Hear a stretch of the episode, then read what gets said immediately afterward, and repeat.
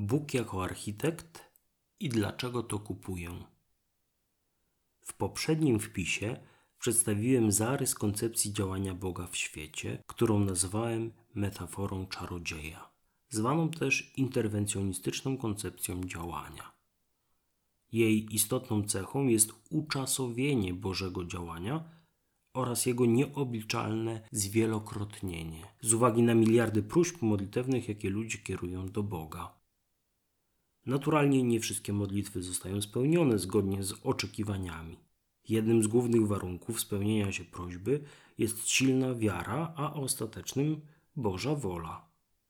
Wskazałem wtedy również, że jeśli chcemy mówić sensownie o Bogu, powinniśmy się trzymać podstawowych zasad racjonalności, w tym przypadku konsekwencji nauki o Bożych atrybutach, wszechwiedzy i wszechmocy, tekstów biblijnych, które nie pasują do metafory czarodzieja, a także zdrowego rozsądku wynikającego z doświadczenia potocznego, codziennego.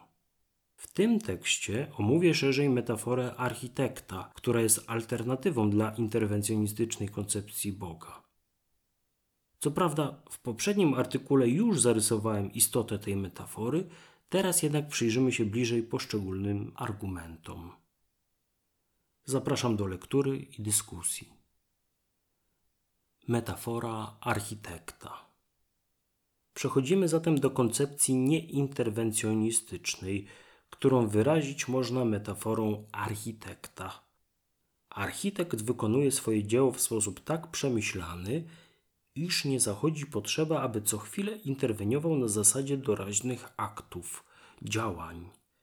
Skoro zawodowi architekci potrafią w programach komputerowych zaprojektować monumentalne budowle bez konieczności ciągłego chodzenia po budowie i nanoszenia co chwilę nowych poprawek do projektu, tak też boski architekt jest zdolny w taki sposób stworzyć swoje dzieło, aby nie wymagało od niego każdorazowych jednostkowych interwencji. I bynajmniej nie dlatego, jak gdyby się światem nie interesował. Koncepcja architekta nie zakłada boskiej obojętności czy alienacji. Bliskość i działanie umiejscowione jest w pierwszym, doskonałym czynie stworzenia, a nie w niekończącej się serii niewystarczających doraźnych aktów interwencyjnych. To trochę tak jak z przygotowaniem pokoju dla nowego członka rodziny. Dziecko nie musi widzieć swojego taty, który maluje ściany, czy mamy, która skręca łóżeczko z Ikei, w zasadzie przychodzi na gotowe i z początku nawet nie dostrzega ogromu pracy, jaki rodzice włożyli w przygotowanie tych czterech ścian. A jednak w łóżeczku tkwi matczyna, a na ścianach ojcowska miłość. Opcjonalną wersją metafory architekta, która w dzisiejszych czasach może być równie dobrze zrozumiana, jest metafora inteligentnego programisty. Przewiduje on wszystkie logiczne możliwości napisanego przez siebie kodu i nie potrzebuje dokonywać doraźnych interwencji w kod programu. W niniejszym artykule przedstawię zatem argumenty uprawdopodobniające metaforę architekta czy też programisty. Mianowicie konsekwentną naukę o Bogu, konsekwentną teologię naturalną, zgodność z opisem naukowym świata, potoczne doświadczenie. Trzeba powiedzieć B.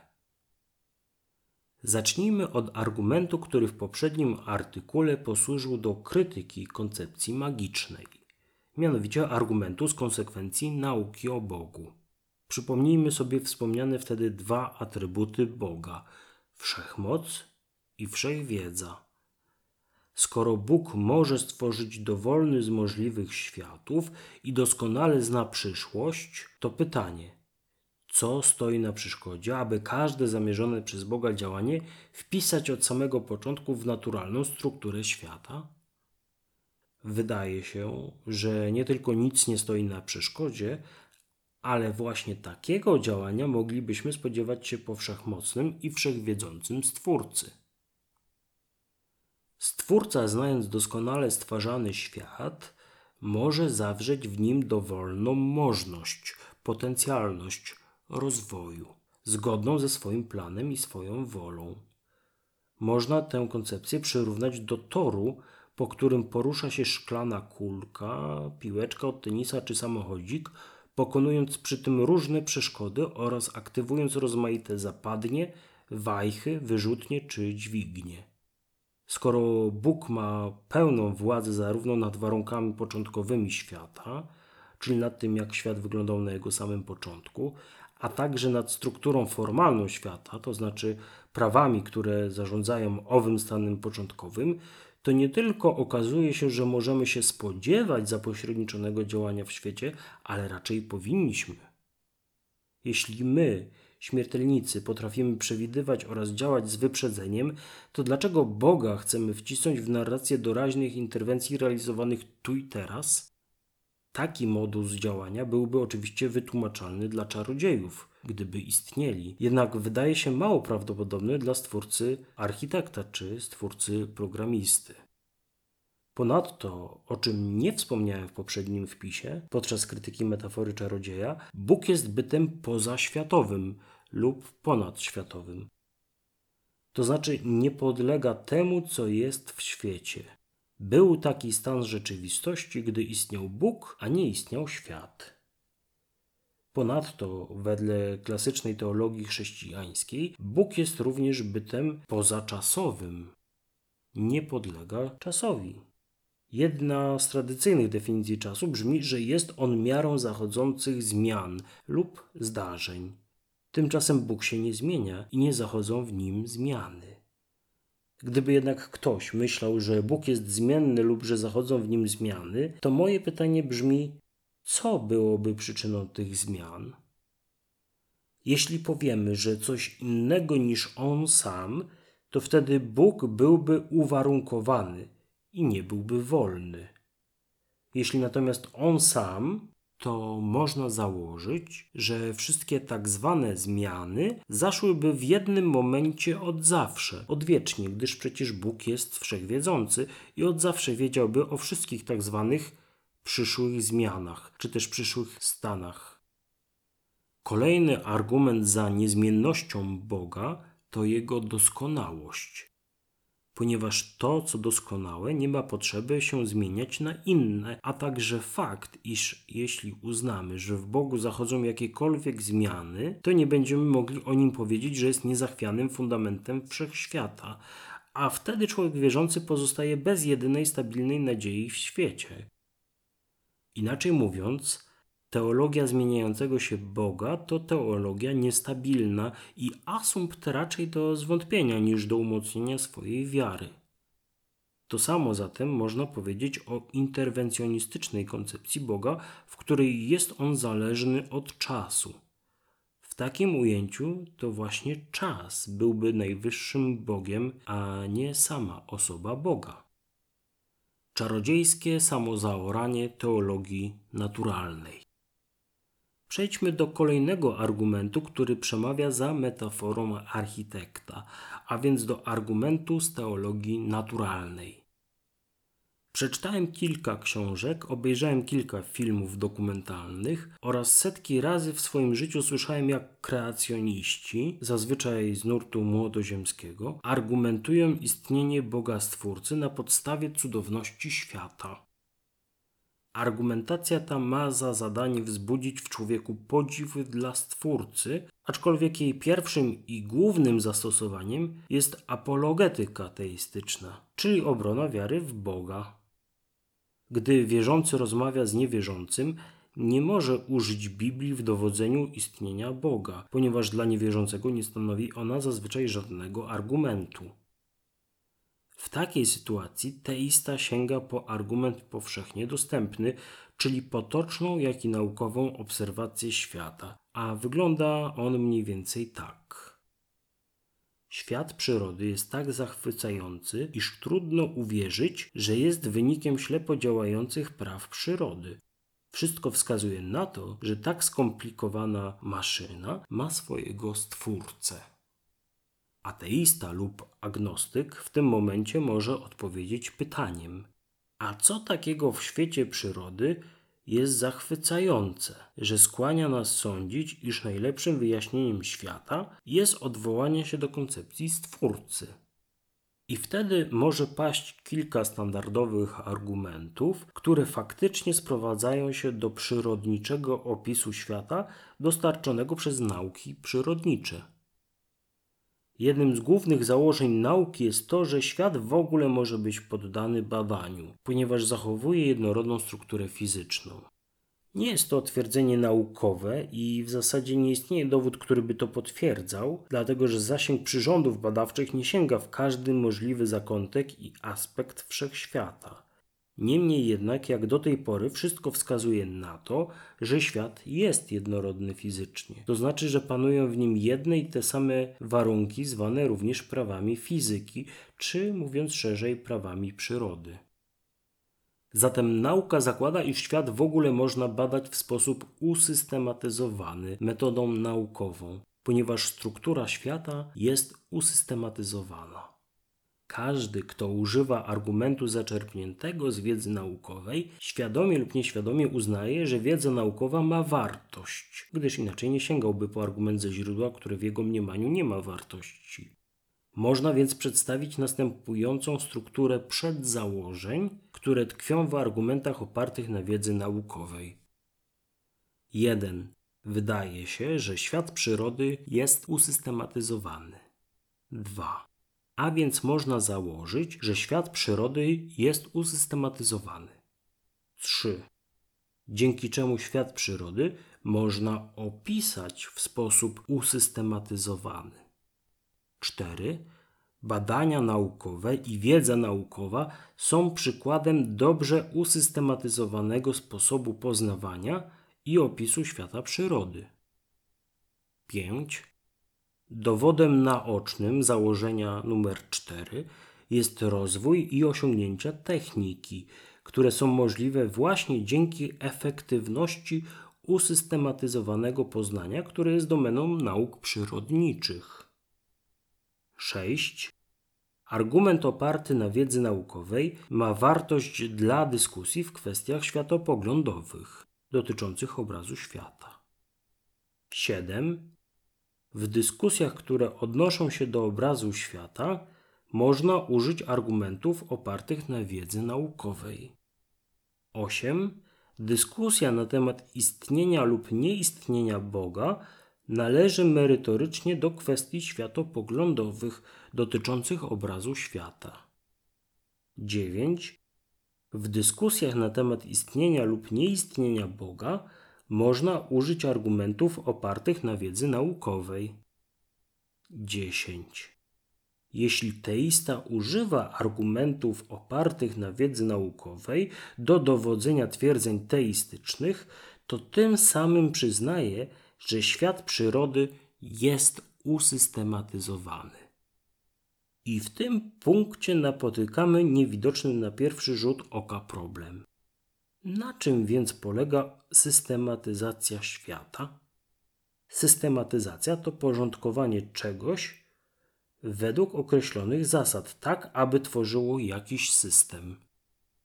W przypadku świata przyrody jest to uporządkowanie go według określonych zasad, zwanych też prawami przyrody. W ten sposób dotarliśmy do twierdzenia, że jeśli teista używa w dyskusjach apologetycznych argumentów opartych na wiedzy naukowej, to tym samym, świadomie lub nieświadomie, przyznaje, że świat uporządkowany jest według praw przyrody. I teraz, jeśli ten sam teista twierdzi, że metafora czarodzieja lepiej opisuje Bożą metodykę działania, to mamy wewnętrzną sprzeczność poglądów. Bóg nie jest elementem świata, gdyż był taki stan rzeczywistości, w którym istniał Bóg, a nie istniał świat. Świat uporządkowany jest poprzez tkwiące w nim prawa przyrody. Teista oczywiście będzie twierdził, że te prawa są przejawem boskiego rozumu Stwórcy, z czym ja oczywiście się zgadzam. Jednak zwolennik interwencjonistycznej koncepcji działania Boga doda, że to nie przeczy temu, aby Bóg mógł swobodnie wielokrotnie ingerować w swoje dzieło. Taki model świata jest w rzeczywistości sprzeczny wewnętrznie, ponieważ wyrażenie prawa przyrody nabierają nowego, niedosłownego i niepotocznego znaczenia. Jeśli założyć, że Bóg dowolnie i doraźnie, tu i teraz, ingeruje w rzeczywistość fizyczną, pomijając prawa przyrody, to znaczy, że nie możemy ich nazywać prawami. Ktoś powie, że to są wyjątki od zasady, jednak wyjątek nie potwierdza zasady, wbrew temu, co mówi ludowe porzekadło, ale ją obala, zazwyczaj w imię jakiejś innej zasady wyższego rzędu. Jak ten nasz biedny teista ma się wybronić z takiego zarzutu? W moim rozumieniu ma dwie drogi. Albo powie, że Bóg chociaż nie jest elementem świata, to w swoim działaniu wkracza w świat jako element zewnętrzny, albo zaprzeczy jednak istnieniu praw przyrody i tym samym podważy swój własny argument, który miał świadczyć o Stwórcy. To jest to wspomniane samo zaoranie teologii naturalnej. To znaczy, świat nie rządzi się prawami przyrody, nie jest usystematyzowany, a więc nie wykazuje potrzeby odwoływania się do rozumnego Stwórcy i prawodawcy praw przyrody. Wiadomo, że druga opcja odpada Żaden rozsądnie wierzący człowiek w swojej argumentacji nie zgodzi się na takie rozwiązanie. Co natomiast z pierwszym unikiem? W zasadzie dla każdego wierzącego twierdzenie, iż Bóg nie jest elementem świata, ale ingeruje w niego od zewnątrz, wydaje się twierdzeniem tak oczywistym, jak i prawdziwym. Jednak jeśli nie chcemy jednocześnie powiedzieć tego, przed czym przed chwilą pilnował się teista, to znaczy, że nie istnieją prawa przyrody, to musimy zaraz dodać, że owe zewnętrzne ingerencje Boga mogą być tylko i wyłącznie w ramach praw przyrody. A na to większość zwykłych wierzących, nieobeznanych z teologią i filozofią, nie będzie chciała przystać. Inaczej mówiąc, koncepcja Boga czarodzieja tworzy porządny problem na gruncie nauki o stworzeniu i przez to również w apologetyce. Jeśli chcemy, aby Bóg interweniował z zewnątrz, doraźnie, niczym czarodziej Gandalf, to albo musimy przyznać Bogu działanie tylko i wyłącznie w ramach praw przyrody, albo wykreślić z naszego słowniczka coś takiego jak prawa przyrody i stwierdzić pośrednio, że świat nie jest ani usystematyzowany, a tym samym nie zachodzi potrzeba odwoływania się do idei stwórcy. W ten sposób jeden z najmocniejszych argumentów teistycznych zostaje wierzącym wytrącony z rąk. Nie mogą go użyć, bo jeśli użyją, to będą musieli zaprzeczyć koncepcji Boga czarodzieja. Podsumowując ten nieco zawiły argument, jeśli przyjmujemy twierdzenie o usystematyzowaniu świata jakimiś prawami przyrody, to wykluczamy na mocy treści tych słów możliwość nadnaturalnych, doraźnych interwencji Boga w świat. Jeśli chcemy natomiast pozostać przy koncepcji doraźnych, ale naturalnych interwencji Boga, to musimy pamiętać, że jest to mniej oczywiste rozwiązanie, niż gdyby te interwencje wpisane były w świat od wewnątrz, w akcie stworzenia, odwiecznie, czego moglibyśmy i powinniśmy spodziewać się po wszechmocnym i wszechwiedzącym Bogu. Wysłannicy diabła. Naukowcy nie cieszą się dobrą sławą wśród osób wierzących, szczególnie tych z ruchów ewangelikalnych i restauracyjnych. Podobnie też jest z wytworami ich pracy, wiedzą naukową. Nie mam teraz na myśli dosłownie wszystkich wierzących. Dzieje się tak szczególnie dlatego, ponieważ istnieją pewne obszary wiedzy naukowej, których nie da pogodzić się z przekonaniami światopoglądowymi osób wierzących, a dokładniej z pewnymi twierdzeniami religijnymi o charakterze światopoglądowym. Jednym z najbardziej zapalnych punktów stycznych jest oczywiście geneza wszechświata, życia oraz gatunków. Podobną niesławą cieszą się również wyniki badań psychologicznych oraz biologicznych z zakresu ludzkiej tożsamości oraz orientacji seksualnej. Inne grupy nie są z kolei w stanie pogodzić swoich przekonań z osiągnięciami medycyny w zakresie szczepień, albo, co widać od kilku lat, twierdzeniem o kulistości Ziemi oraz kształcie kosmosu. Z tymi, a także innymi grupami osób nastawionych antynaukowo rozprawia się w książce Światy Równoległe dr Łukasz Lamża, znany też z serii popularno-naukowej Czytamy Naturę, ukazującej się na kanale YouTube Copernicus Center for Interdisciplinary Studies. Nie twierdzę, że nie można posiadać przekonań, które przeczą wiedzy naukowej. Mówię jedynie, że w takim przypadku należy wyraźnie odróżnić lub zaznaczyć, że przyjmuje się pewne przekonania wbrew najlepszej aktualnej wiedzy naukowej. Mam teraz na myśli jasność przekazu, uczciwość i rzetelność. Wróćmy jednak do nieinterwencjonistycznej koncepcji działania Boga w świecie. Kolejnym argumentem filozoficznym za metaforą architekta jest to, że metafora ta współgra nie tylko z aktualną wiedzą naukową, ale również z samą metodą naukową, polegającą na systematycznej obserwacji, pomiarze i eksperymencie. Oznacza to, że jeśli Bóg działa w ramach swojego jednego doskonałego aktu stwórczego, a cały swój zamysł, włącznie z tym, co nazywamy Bożymi interwencjami, umieścił w wewnętrznej strukturze wszechświata, niczym w kosmicznym łańcuchu domino czy kodzie komputerowym, to zjawiska zachodzące w świecie można wyjaśnić wyłącznie poprzez odwoływanie się do zjawisk naturalnych co w filozofii nauki nazywane jest naturalizmem metodologicznym. Inaczej mówiąc, opis działania Boga mógłby w takim przypadku być niesprzeczny z założeniami metody naukowej.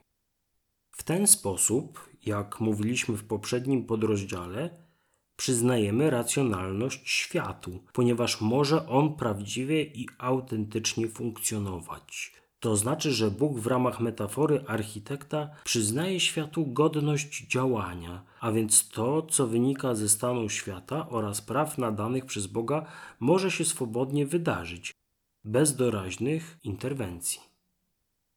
Można znaleźć tu porównanie na przykład z gospodarką centralnie planowaną i wolnorynkową. Pamiętajmy, że w jednym i drugim przypadku państwo ma wpływ na to, jak wygląda rynek w danym kraju. Różnica zachodzi jednak tak w momencie, charakterze, jak i skutkach regulacji gospodarczych.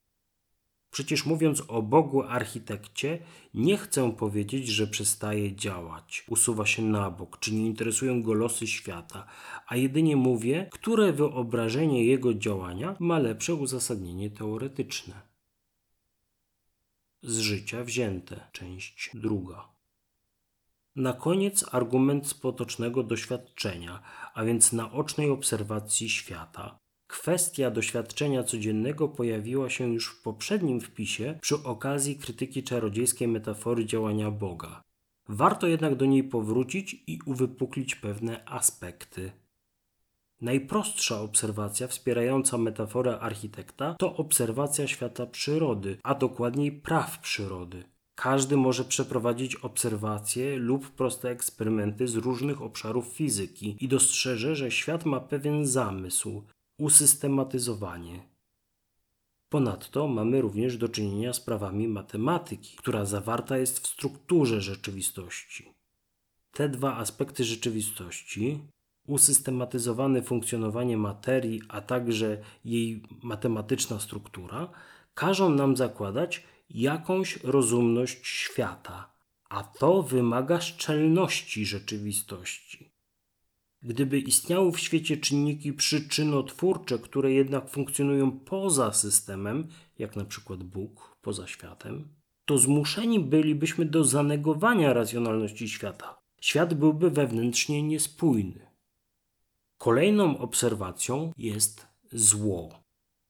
Problem zła to filozoficzna studnia bez dna. Koncepcja Boga czarodzieja wymagałaby, przynajmniej w naszym ludzkim rozumieniu, o wiele więcej pozytywnych, nadnaturalnych interwencji niż to możemy zaobserwować na co dzień. W koncepcji Boga architekta problem zła nie znika, bo ostatecznie zawsze można zapytać nie o Boże interwencje, a o Boży zamysł. Dlaczego Bożym zamysłem było stworzenie takiego świata, w którym wystąpi zło? Bóg wiedział, jaki stwarza świat oraz jak się potoczą losy tak stworzonego świata. Przynajmniej w koncepcji, w której wszechwiedza oznacza również przedwiedzę o wolnych wyborach rozumnych istot. Są pewne nurty teologiczne, w których redefiniuje się atrybut Bożej wszechwiedzy. Jednak my pozostajemy przy poglądzie, że Bóg stwarzając świat doskonale wiedział, jaki on będzie, a więc każde swoje działanie, które zawarł w akcie stwórczym, wedle metafory architekta, uwzględniało pojawienie się grzechu, zła, cierpienia i śmierci. Czyli tak jak mówiłem, koncepcje Bożego działania w żaden sposób nie rozwiązują problemu zła. Czy to metafora czarodzieja, czy to metafora architekta. Sądzę jednak, że w przypadku, gdy Bóg nie odpowiada na nasze modlitwy, tak jak sobie tego życzymy, i pozwala na naturalny bieg zdarzeń, to człowiekowi wierzącemu łatwiej jest pogodzić się z odwiecznym postanowieniem architekta, niż z doraźnymi, każdorazowymi odmowami czarodzieja. Jest to oczywiście argument nie tylko subiektywny, ale i pragmatyczny. Ani moje wrażenie, ani też przydatność tego wrażenia nie może jeszcze posłużyć za argument użyty w dyskusji. Tym niemniej moje świadectwo jest autentyczne i być może zachęci niektórych czytelników i czytelniczki do przeprowadzenia eksperymentu swojego doświadczenia wiary. Czy faktycznie łatwiej jest znosić trudy życia z myślą, iż jest to przewidziana odwiecznie sytuacja, do której Bóg dopuścił dla jakiegoś wyższego dobra, czy jest po prostu rozważana na bieżąco, doraźnie? W moim mniemaniu opcja odwieczna wydaje się bardziej przemyślana.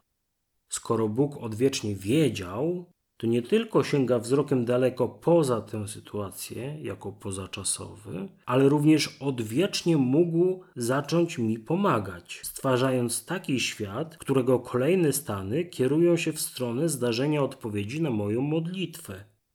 A nawet gdy odpowiedź nie przychodzi, to łatwiej jest mi zrozumieć Boże odwieczne niedziałanie w tej sprawie, niż doraźne odmawianie mi spełnienia próśb. Taki Bóg, który dopiero się doraźnie zastanawia, czy mi pomóc, czy też nie, jawi mi się, mówiąc najogólniej, niepoważnie, tak jakby wszystkiego do końca nie ogarniał. Tak więc argument z doświadczenia potocznego brzmi mniej więcej tak. Dostrzegamy racjonalność świata, to znaczy, że działa on według jakichś wspólnych i niesprzecznych reguł, praw natury, a także łatwiej niektórym przechodzić trudy życia w oparciu o Bożą pozaczasowość, wszechwiedzę i wszechmoc, które ujawniły się w akcie stworzenia, niż oczekiwać od Boga każdorazowego rozpatrywania próśb czy nawet wymuszania, jakiego niekiedy dopuszczają się wierzący. Zatem moim zdaniem koncepcja architekta lepiej tłumaczy racjonalność świata i w praktyce jest bardziej przydatna dla prowadzenia życia wiary, przynajmniej w moim odczuciu. Dziękuję za uwagę i do usłyszenia. Sensoholik, czyli Konrad Pasikowski.